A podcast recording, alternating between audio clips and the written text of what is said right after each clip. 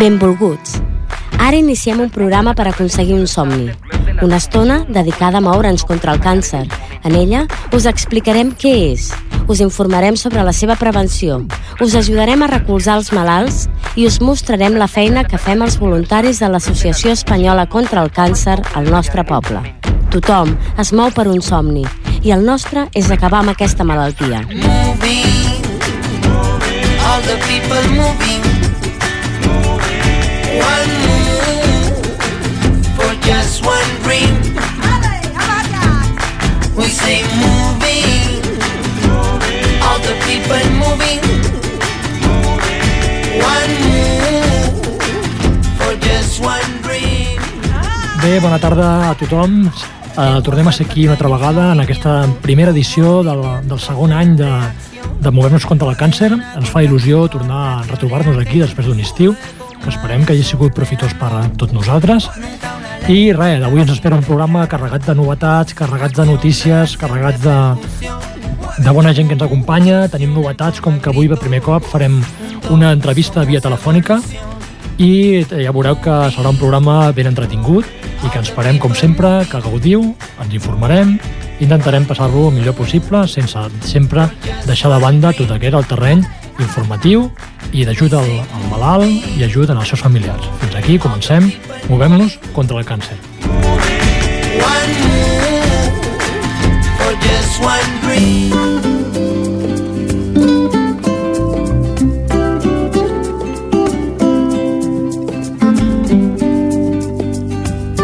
L'entrevista.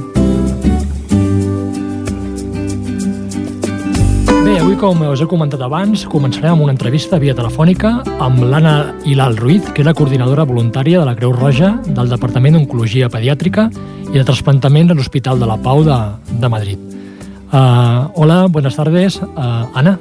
Hola, buenas tardes. Hola, buenas tardes. En primer lugar, agradecerte la presencia en el programa y, y sentir que en principio Aurora, que era que pactó un poquito la entrevista contigo, pero en el último momento, ah, por una razón aliena a su persona, no, no nos puede acompañar. Sí, ya me ha contado, sí. Muy bien, Sí. pues nada, mira, empezaremos con la entrevista, la haremos un poquito aquí conjuntamente con todos los miembros de la, de la asociación y ya te Sí. digo, te reitero el, el agradecimiento de corazón que estés entre nosotros. Sí, Mire, gracias. la primera pregunta es, ah, un poquito en general, ¿qué labor realizáis como asociación que de forma altruista trabajáis día a día en contacto con la oncología? Sí, a ver, eh, dentro de Cruz Roja uno de los voluntariados que tiene es este, llama, el de infancia hospitalizada, que se llama. Aquí en la Comunidad de Madrid intervienen unos 15 hospitales más o menos, entonces según el hospital, eh, lógicamente atiendes eh, diferentes patologías, eh, sean enfermedades respiratorias, traumatológicas o como es en nuestro caso, oncológicas. Entonces, nosotros eh, llevamos dos plantas, la de oncología y la de trasplantados.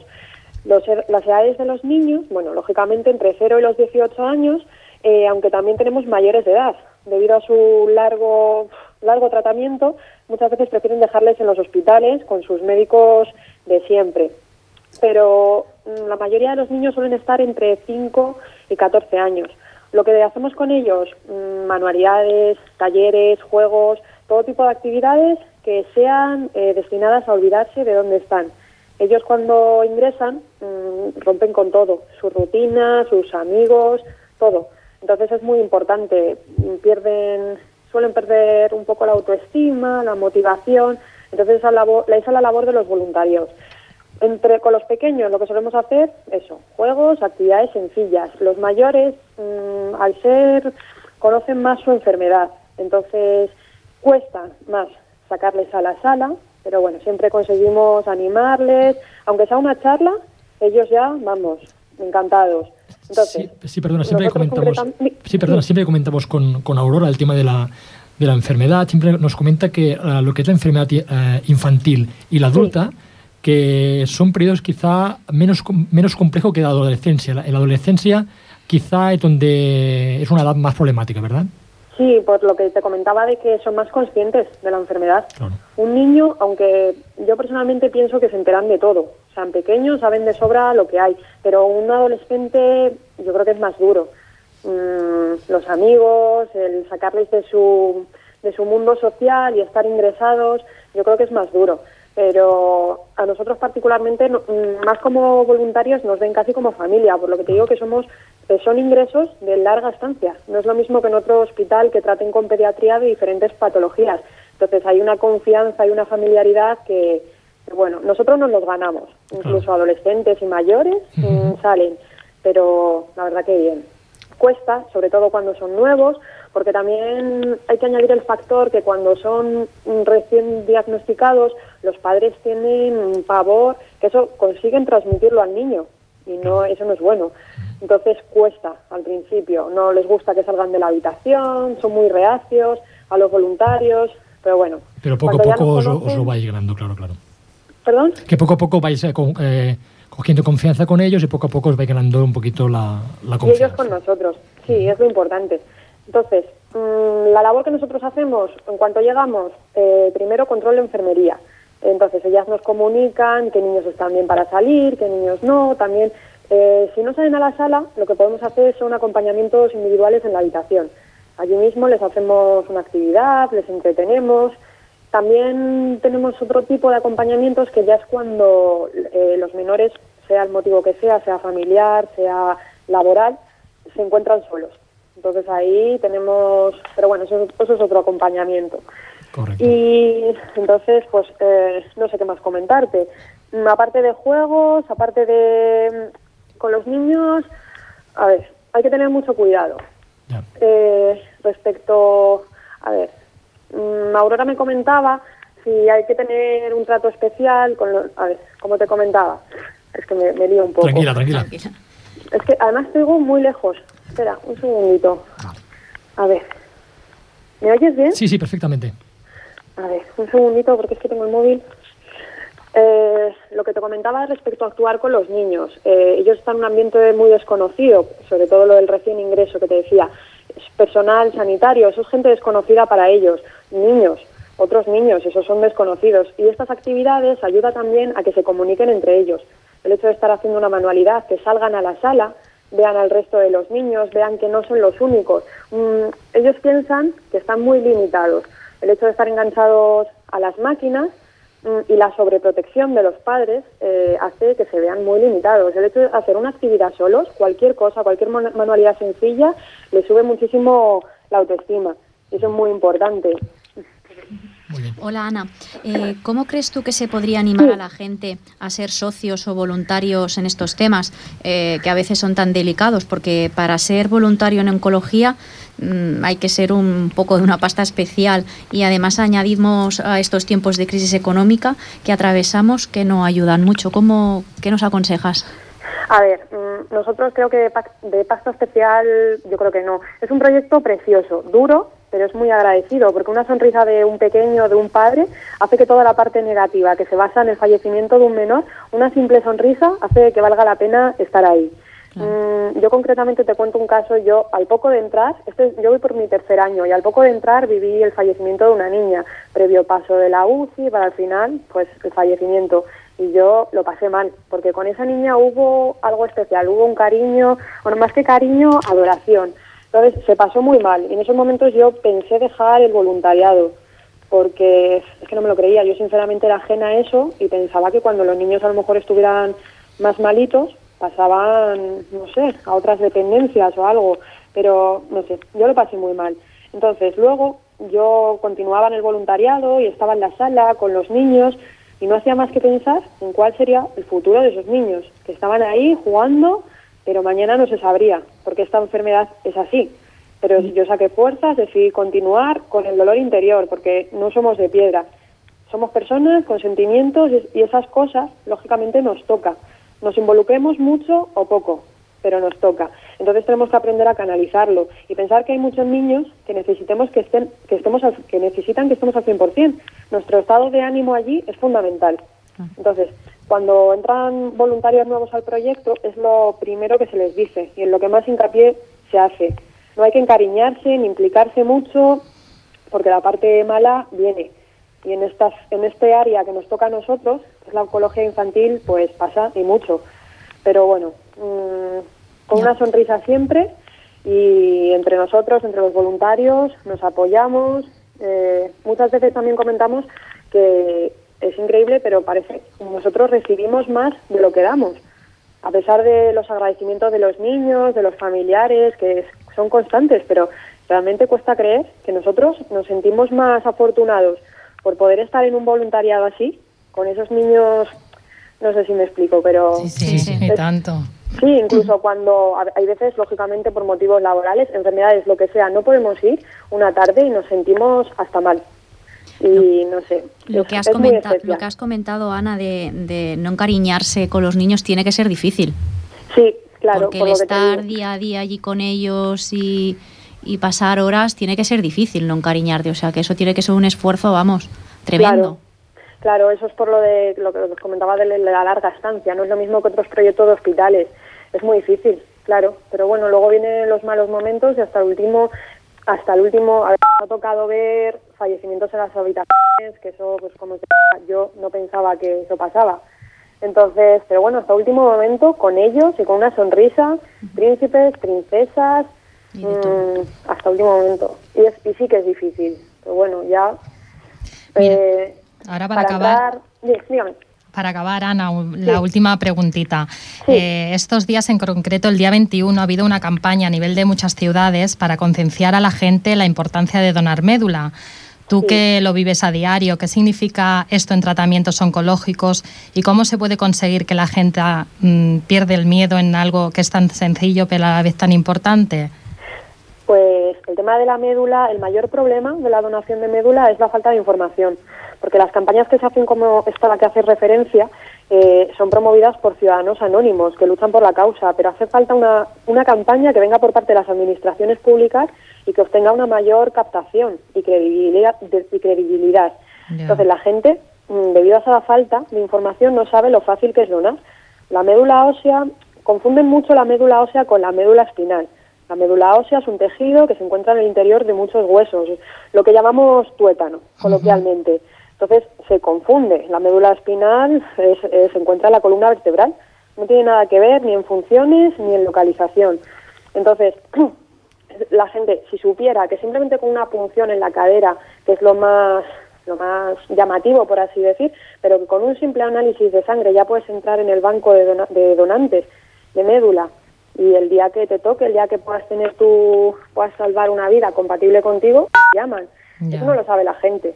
Entonces creo que es muy importante mm, eh, promoverlo, porque no lo saben. Y más en el tema de cáncer infantil. es una enfermedad rara. Una enfermedad rara porque son casos aislados, aunque parezca mentira, y casos que no se investigan. Entonces, yo creo que es bastante importante que cada persona, bueno, eh, no hace falta recordar, personas más o menos jóvenes, entre 18 y 55 años, eh, preferiblemente hasta 45, para que tengan mejores resultados. Y es tan fácil como ir a un centro de transfusión informarse. Lo he dicho, un simple análisis de sangre. Yo creo que eso está, está bastante bien. Es la falta de información el problema que hay. Ana, mira, ah, una preguntita más. Sí. Mira, si alguna persona que, que quiera entrar a formar parte de este voluntariado de Cruz Roja, ah, ¿qué debería hacer? Eh, primero ponerse en contacto con Cruz Roja, su Cruz Roja de la localidad. Sí. Entonces, mm, nosotros lo que hacemos es convocar a esos futuros voluntarios para una sesión informativa. Ahí se cuentan los diferentes proyectos de, de la organización. Si quieren hospitales, es fundamental eh, hacer un curso que se llama Formación Básica eh, de Formación Básica de Juventud. Es fundamental. Luego se pasaría una entrevista con el departamento de voluntariado y se, se derivaría ya al coordinador o coordinadora del hospital elegido.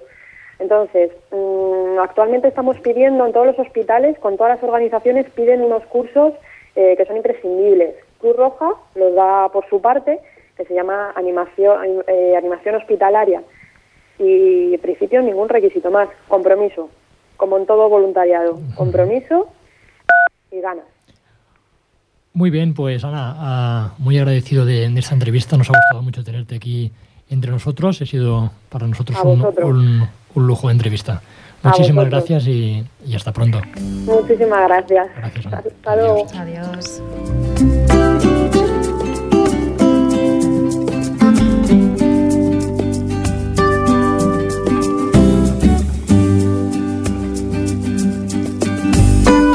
Molt bé, entranyable entrevista. Recordem també el telèfon del programa, que era el 93 594 2164, per si qualsevol persona vol intervenir en directe. I sabeu que també ens podeu trobar en, en, en Facebook, veureu ASS de Ripollet, aquí podeu entrar, ens agregarem i aquí podem penjar informació de tot, de tot tipus i ens podem posar en contacte amb vosaltres. I així com cada dilluns, en el lloc de trobada, en el Centre Cultural, sempre de 10 a 12, trobareu sempre un voluntari disposat a, a donar-vos un cop de mà.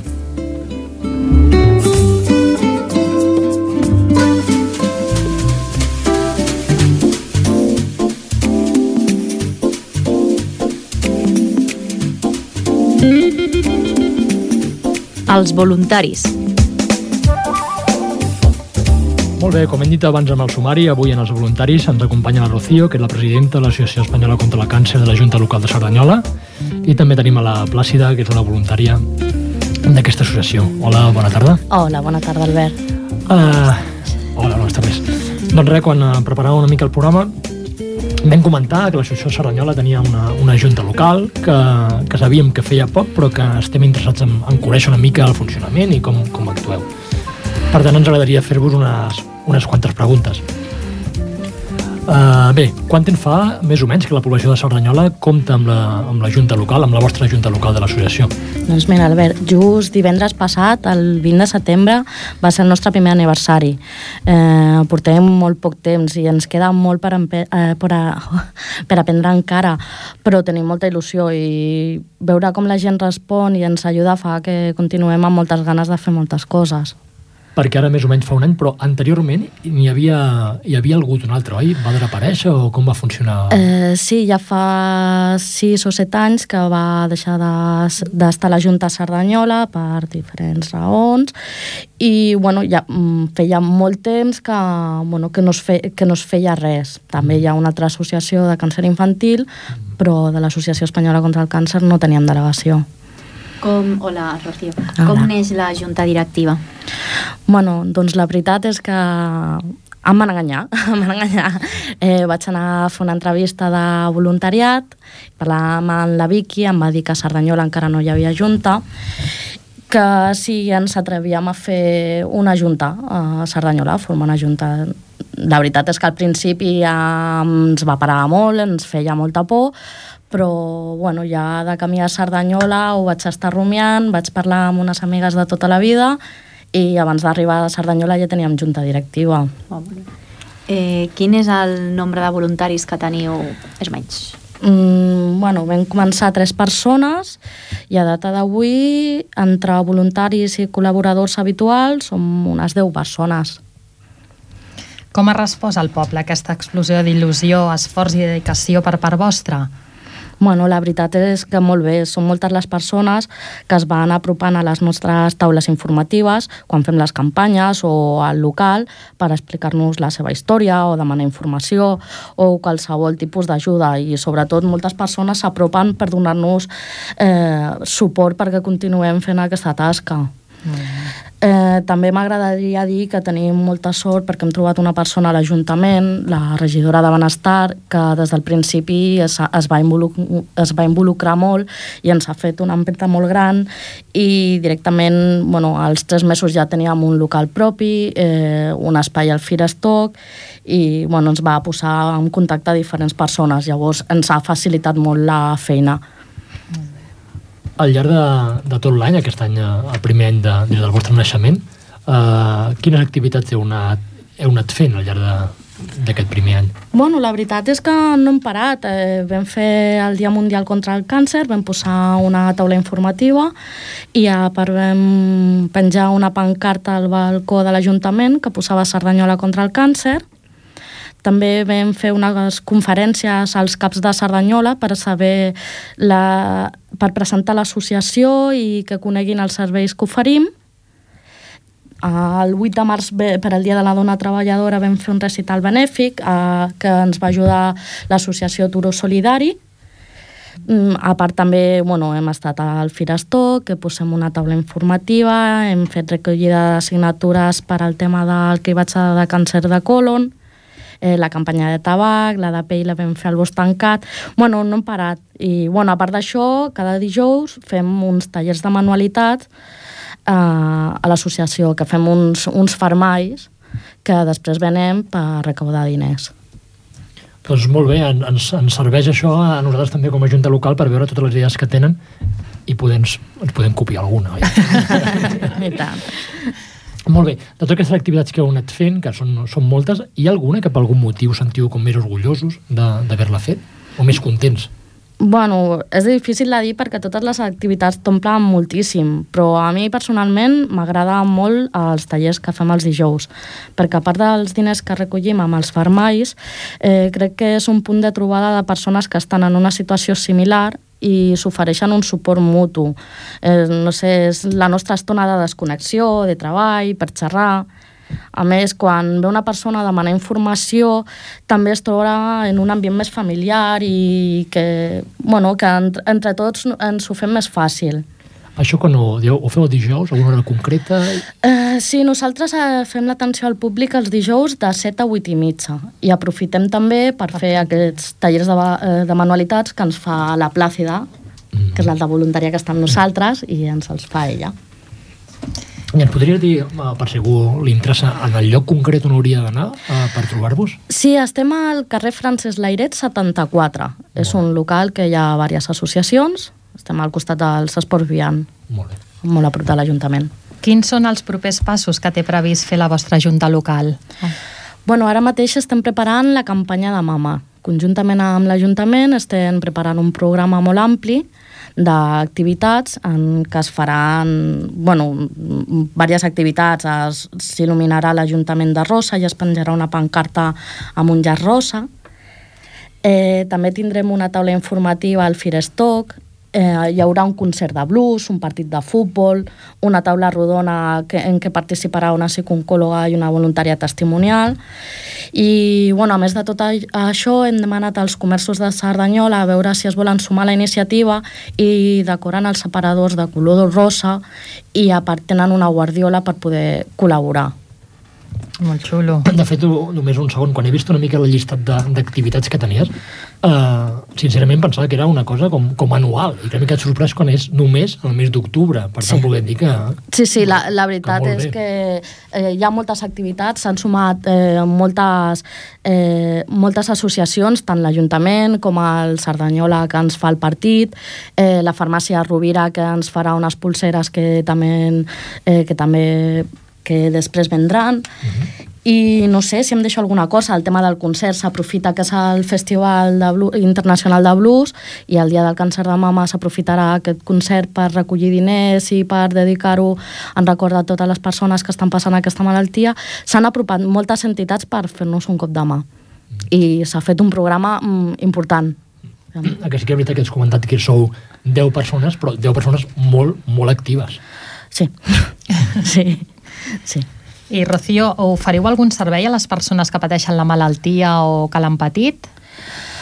Bueno, a part dels serveis de l'associació, el que fem són aquests tallers de, de manualitats que creiem que a part de bueno, això de la funció de recollir diners, um, tenim la funció d'estar un, una estona entre nosaltres eh, i poder oferir un suport, que la persona que ve a demanar informació es trobi en un ambient familiar. Nosaltres ens prenem el cafè, anem fent els farmalls, si tens dubtes aprofites. Oh, mira, i tu quines pastilles et prens? Eh, tu que... Ho fas ja d'un tu a tu i de persones que estan passant per el mateix eh, per, mateixa, per situacions similars. I una pregunta, com veu iniciar aquest taller?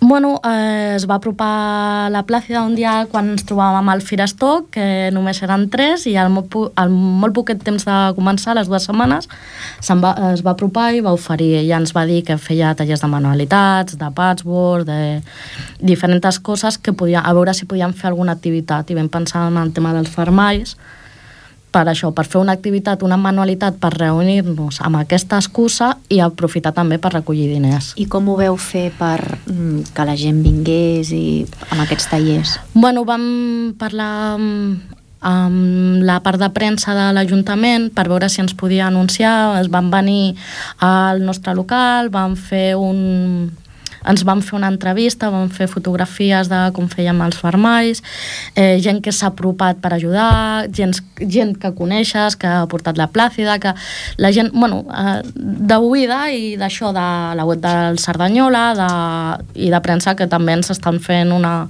un cop de mà important publicant-nos aquestes notícies. Mm -hmm. Per I la, a I la gent que l'està patint la malaltia mm, ve normalment a ajudar-vos, a donar-vos un cop de mà o és una mica reàcia o té vergonya? La veritat és que costa molt més.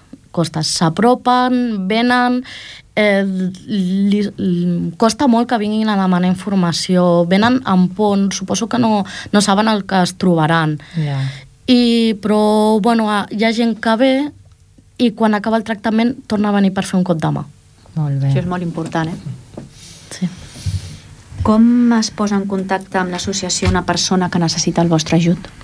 Bueno, doncs pot venir els dijous de 7 a 8 i mitja al carrer Francesc Lairet 74 o mitjançant el correu electrònic que és sardanyola arroba aefc.es o per mòbil al 644 397 886. I última pregunta. Teniu encara algun somni per realitzar com a junta local de l'ACC de Cerdanyola?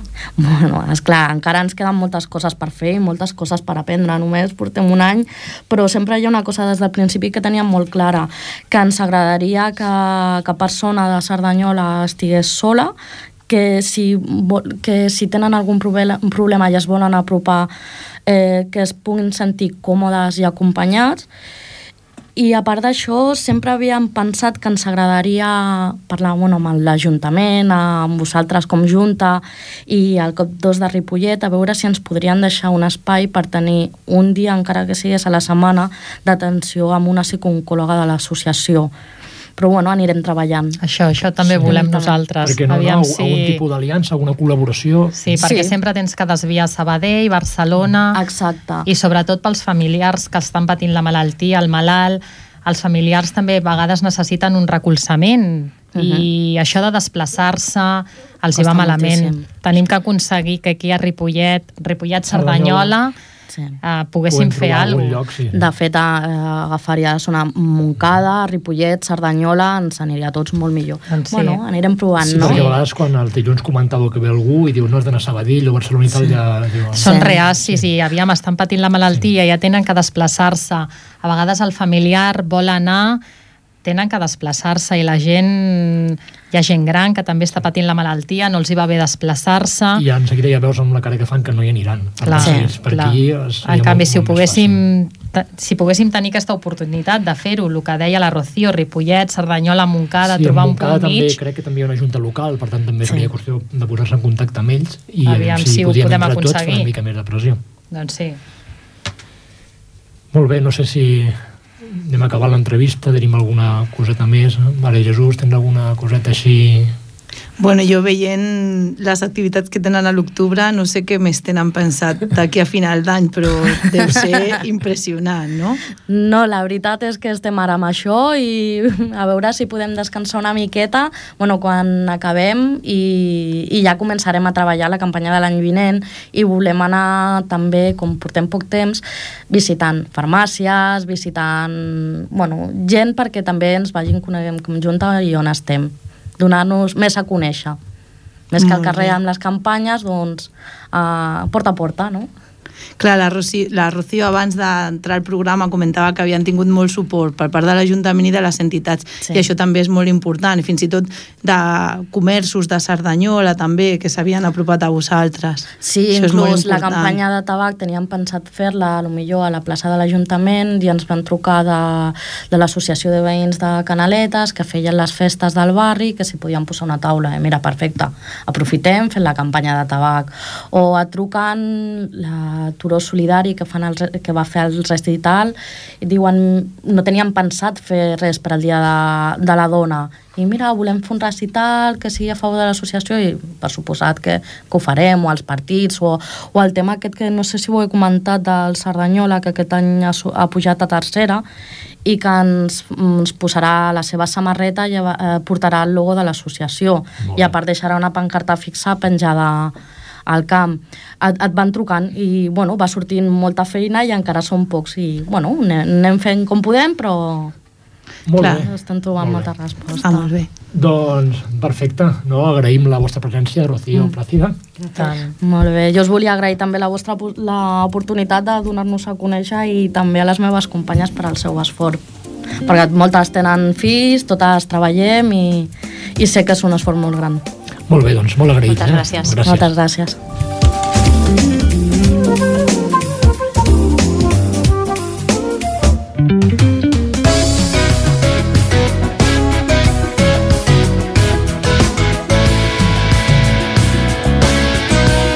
El monogràfic.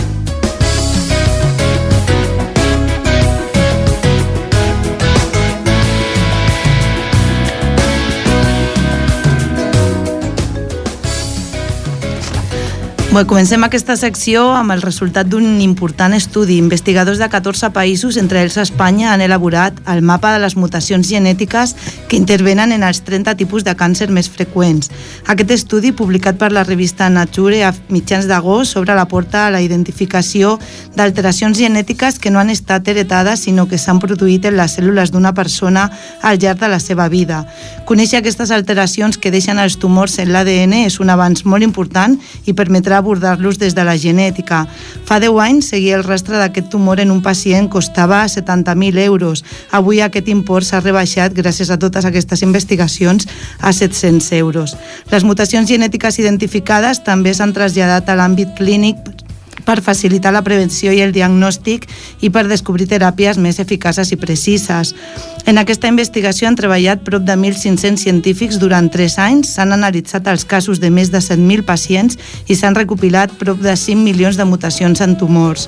Des de l'Hospital Clínic de Barcelona i la Universitat d'Oviedo han aportat dades genètiques de la leucèmia linfàtica crònica que registra uns 1.200 casos anuals a Espanya. Investigadors de la resta de països han treballat la vessant genètica en els càncers de colon, pulmó, mama o pròstata, que l'any 2011 van provocar la mort de 9 milions de persones en tot el món. Més novetats científiques en aquesta secció, ara en relació amb el melanoma, i és que metges, científics i enginyers de la Universitat de Harvard han iniciat a principis de setembre la fase d'assajos clínics en humans d'una vacuna contra el càncer de pell. El tractament, totalment novedós, suposa col·locar una esponja de la mida d'una ungla sota la pell del pacient. Aquesta, aquesta esponja emet una proteïna que atreu les cèl·lules cancerígenes, el que permet agrupar-les i destruir-les. Funciona, per tant, de forma diferent a la resta de vacunes contra el càncer, ja que treballa des de l'interior del cos. En la resta de vacunes és necessari que els metges es treguin primer les cèl·lules immunes del pacient per a continuació tornar a programar-les i reintroduir-les en el cos. La vacuna, que va funcionar en ratolins de laboratori l'any 2009, està dissenyada per atacar el càncer de pell, però obre les portes al tractament d'altres tipus de càncer i de malalties inflamatòries també avenços beneficiosos per a la detecció de càncer de pulmó. Científics de Beijing i de l'Acadèmia Xinesa de Ciències Mèdiques han identificat un nou marcador per al diagnòstic precoç del càncer de pulmó. Es tracta d'una proteïna anomenada isocitrato deshidrogenasa que està present en alts nivells en els càncers de pulmó i que pot ser detectada en la sang. El càncer de pulmó recordem que té una alta taxa de mortalitat, principalment deguda a que es diagnostica tard. Amb indicadors com aquesta proteïna, la detecció seria més ràpida i el càncer menys letal, segons publica la prestigiosa revista Clinical Cancer Research. Més proper a nosaltres i també en relació amb el càncer de pulmó, la xarxa catalana d'hospitals sense fum i la xarxa d'atenció primària sense fum van, van recomanar el passat 31 de juliol prohibir les cigarretes electròniques als centres sanitaris. Les cigarretes electròniques, que segur que molts de vosaltres heu vist, es comercialitzen a internet i a establiments especialitzats i són dispositius de vaporització de nicotina o d'altres substàncies. Segons la xarxa d'hospitals i d'atenció primària, l'ús de cigarretes electròniques en espais on està prohibit fumar pot, posar, pot causar una confusió degut a la seva semblança amb les cigarretes tradicionals. A més, l'emissió de vapor és semblant al fum del tabac. Això pot perjudicar, diuen, a la desnormalització de consum de tabac aconseguida en la darrera dècada gràcies a les diferents mesures de control del tabac. Degut a que l'aparició de les cigarretes electròniques és recent, encara no hi ha prou evidència científica concloent a favor o en contra de l'ús d'aquests dispositius. Tampoc hi ha una legislació que les prohibeixi. Davant d'aquest buit legal, la xarxa d'hospitals i d'atenció primària ha recomanat als centres sanitaris que elaborin una normativa pròpia de règim intern per prohibir l'ús de les cigarretes electròniques en les seves dependències, així com la venda, la promoció o la publicitat. Una altra bona notícia que vam conèixer a mitjans de juliol és que el Ministeri de Sanitat ha aprovat incorporar el càncer de colon en els programes de cribatge. La sanitat pública, per tant, finançarà una senzilla prova recomanada per a la població d'entre 50 i 60 anys. La prova consisteix en analitzar cada dos anys les femtes de les persones per detectar si hi ha sang oculta. Fins ara, només 8 comunitats autònomes tenien implantada aquesta prova. Catalunya, la Comunitat Valenciana, Múrcia, Cantàbria, País Basc, Canàries, Castella, Lleó i La Rioja. En la resta de comunitats s'anirà implantant de forma progressiva i l'objectiu és que en un termini de 5 anys es doni cobertura al 100% de la població espanyola. El Consell de la Unió Europea ja va aconsellar el 2003 incloure aquesta prova en els programes de cribatge de càncer. Des de l'Associació Espanyola contra el Càncer també vam estar recollint signatures per demanar al Ministeri de Sanitat la incorporació d'aquesta anàlisi que permet la detecció precoç del càncer de colon, el segon més letal a Espanya després del càncer de pulmó. I finalitzem aquesta secció amb la celebració de dos aniversaris. El primer és el de l'Associació Espanyola contra el Càncer, de la qual formem part i que va celebrar el passat dijous un congrés per celebrar els seus 60 anys de vida. En aquesta trobada es van entregar els ajuts a la investigació 2013. Malgrat la situació actual de retallades, l'associació ha incrementat els fons destinats a la investigació oncològica i es manté com l'entitat social privada que més recursos s'hi dedica en Espanya. Durant el 2013 destinarà gairebé 14 milions d'euros a la investigació del càncer. I per últim, la Fundació Carreras també està d'aniversari, 25 anys de lluita contra la leucèmia. Ho celebren un documental que es, es titula La Flor, que busca sensibilitzar la població i augmentar el nombre de donants de mèdula òssia que justament comentàvem fa poc amb l'Anna en l'entrevista. A Espanya hi ha uns 121.000 donants que és una xifra molt inferior a altres països europeus com Alemanya, França o Itàlia, on hi ha entre 600.000 i 700.000. El documental La Flor compta amb testimonis de pacients, de familiars, d'investigadors i de professionals implicats en el procés de trasplantament de la mèdula òssia. I si algú de vosaltres està interessat a veure, les pot visualitzar a la pàgina web de la Fundació Carreras. Molt bé, Maria Jesús, doncs molt agraït perquè, per aquesta nova secció, eh, on ens ha explicat un conjunt de notícies, totes elles amb el denominador comú de l'esperança, amb la lluita contra el càncer. Doncs Gràcies. gràcies i aquest monogràfic, en principi, en principi i segur que el continuarem fent més rere més. Perfecte.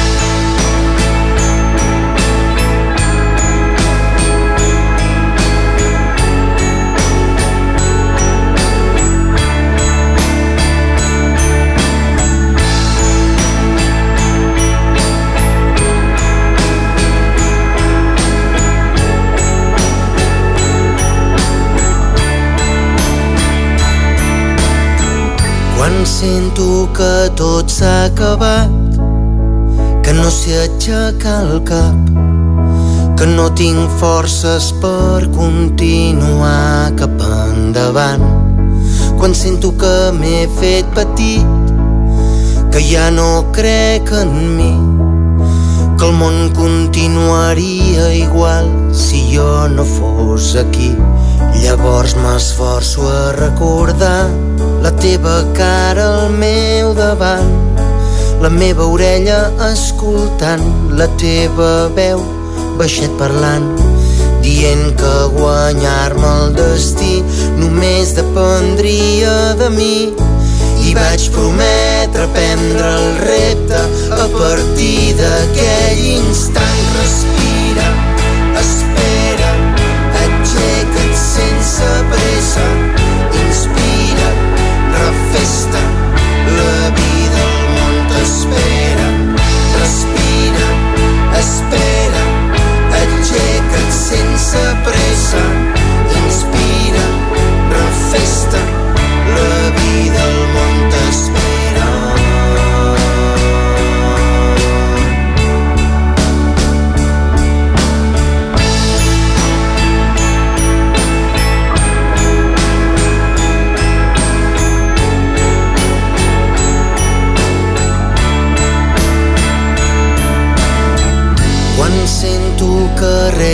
sentir que el món està girat que no sé com posar un peu a terra i recomençar.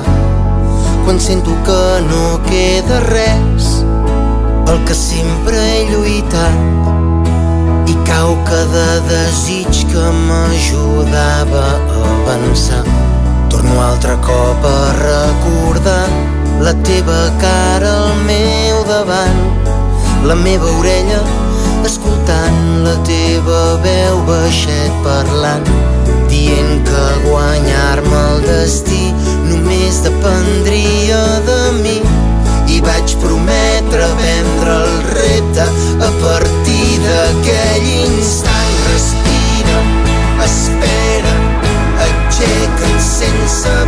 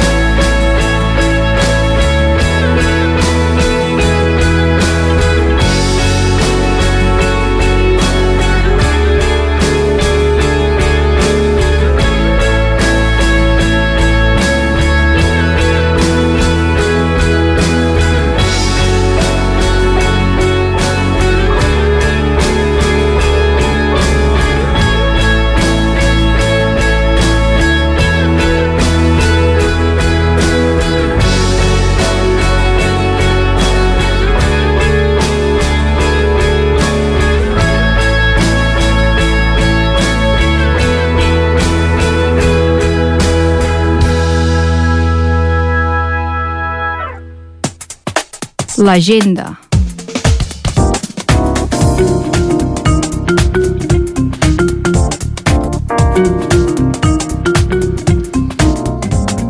Bé, doncs, a l'agenda d'aquest mes, eh, el primer que, que em ve a la ment és que crec que a principis no, a mitjans d'octubre, més o menys, sembla que el dia 18, ja Dia- tenim alguna coseta, oi? Dia 19 és el Dia Internacional del, del Càncer de Mama. Encara no tenim, tenim decidit ben bé què farem, però ben segur que farem alguna cosa i si no ja trucarem a la Rocío que ens doni alguna idea o alguna perquè veig que ells ho tenen més controlat que nosaltres, eh? Anem una miqueta tard. Alguna cosa farem, segur. Després també... El dia 18. El dia 18 tenim el sorteig de la tele, que vam fer el sorteig el dia 23 d'abril per Sant Jordi. Eh, va, vam fer Sant Jordi a la Rambla, vam vendre els números, el número el vam vendre, però la tele no va sortir i hem tornat a decidir doncs, de tornar a fer el sorteig i el fem el dia 18 en combinació serà amb la 11, no serà en directe com vam fer Sant Jordi a la Rambla. I si algú vol números, doncs aquí en el Centre Cultural de 10 a 12, en el despatx número 1, els podeu trobar, o si no també via Facebook, o també mm, el president, em sembla, l'Albert deia de donar el seu Sí, jo telèfon. puc donar el telèfon al qual, eh, si voleu, és el 670 3278 83 eh, 670 327883 i podeu consultar el tema números o qualsevol O altra qualsevol cosa altra cosa que que voleu sigui preguntar més- sobre, sobre com, com fer soci, voluntari associació, qualsevol cosa relacionada amb el, Associació només heu de fer de... Més de que res eh? per si el dilluns de 10 a 12 no li va bé a la gent o hi ha gent que no té Facebook i vol parlar directament doncs, amb tu, doncs ho pot fer. Cap problema. Molt bé. I després també, segurament, oi, al, al, a Nadal tindrem la loteria Sí, el, sorteig de el Nadal, el dia 22, també tenim loteria, són dos números, són 6 euros, la donació és d'un euro i venen dos números i ve des de Barcelona suposo, Albert, que tots els puestos sortegen els dos números iguals Sí, em sí, sembla que era... és la mateixa sí? condició per totes les juntes locals. Vale. I aquí també per adquirir-lo, doncs els voluntaris en Hi ha tindrem. voluntàries que em porten sempre a sobre Poder, també podem deixar-ne en alguna, en alguna botiga, en algun, en algun lloc. i després de doncs aquí de confiança. 10 a 12 també, I aquí igual també de, de 10 a 12 també en podran en trobar. el despatx. Cap problema. Doncs això en principi és a, a les que és dues idees més immediates, el sorteig aquest de televisió que és el dia 18 d'octubre i el sorteig de cada any de la loteria de Nadal que és el dia eh, 22 d'octubre. Com sabeu, tots aquests eh, beneficis van directament cap a la lluita contra, contra el càncer. També, com la Núria ha comentat, també tenim alguna activitat prevista pel dia del càncer de mama que properament ho, us informarem, tot i que el proper programa, que és el dia 20 d'octubre, aviam si l'activitat ho l'haurem fet o eh, la farem bueno, però properament. es pot posar també a la revista quan tinguem programat el que fem i que la gent ho sàpiga. El que sí que voldria comentar és que a part de l'agenda, les activitats que, com veieu, avui no, no ho hem fet perquè ha sigut el mesos d'estiu que no, que no vam tenir activitat, doncs sí que alguna activitat teníem, el dia 11 de setembre. Sí, vam fer, Sí, eh? vam fer la, el dia de la diada, Mhm. vam fer l'ofrena Vam del fer ram. l'ofrena floral com, com altres entitats del poble i bueno, un altre mètode perquè la gent es coneixi i sabem que on ens poden trobar. Oi? I tant.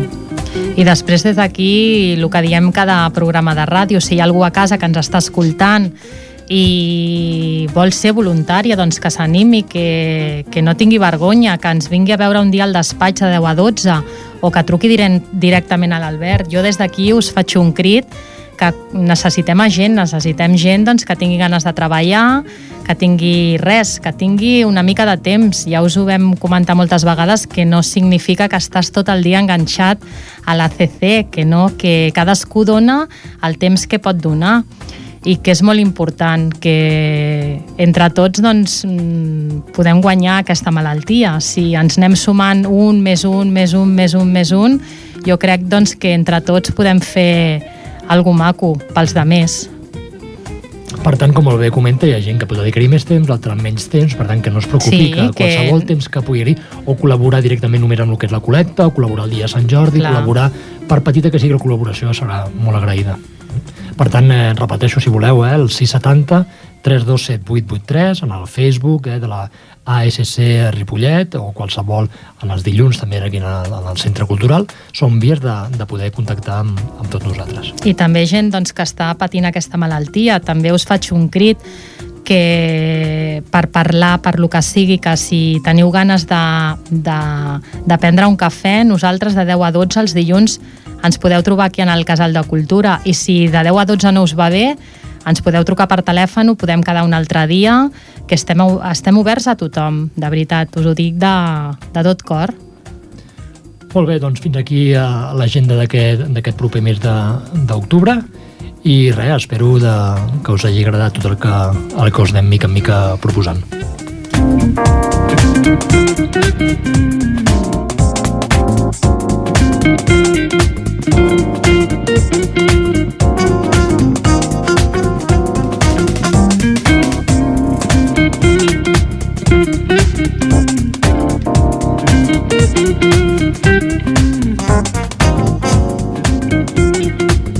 Bé, doncs eh, el programa va arribant una mica a la seva fi, aquest primer programa de la segona edició de Movem-nos a, a Ripollet Ràdio.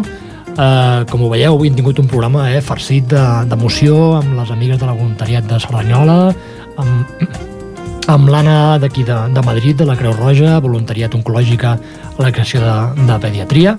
Per tant, eh, ha sigut un programa, oi, veritat, ha sigut entretingut, sí. ha sigut un programa així una mica de sorpresa també perquè ha passat l'estiu i tampoc teníem ben bé clar com començava, ha sigut preparat, diríem, eh, en poquet temps, però però crec que ha sigut eh, Molt força, força temps, intens. molt poquet temps, Poquet Albert. temps, I però- tant, i tant. Molt poquet temps.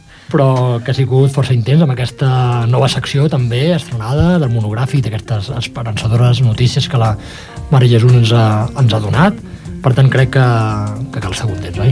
I des d'aquí, Albert, li volem enviar un petonet a l'Aurora, que segur que ens està escoltant. I tant. Que no ens ha pogut acompanyar, però segur, segur que ens està escoltant. Des d'aquí t'enviem un petonet, Aurora.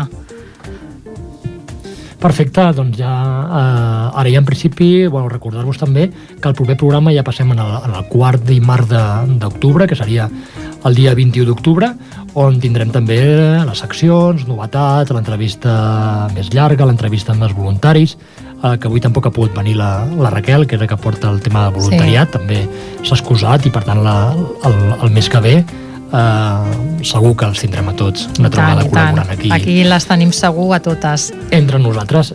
I bé, només si de la meva banda només en queda doncs a, agrair la presència de la gent de Cerdanyola, agrair també a l'Anna, a tots nosaltres, al tècnic, al, al, al Jordi, i sobretot remarcar on ens podeu trobar, eh? Recordem els dilluns, aquí en el Centre Cultural 10 a 12, aquí a la ràdio, ja sabeu, els, eh, cada quart dijous de cada mes.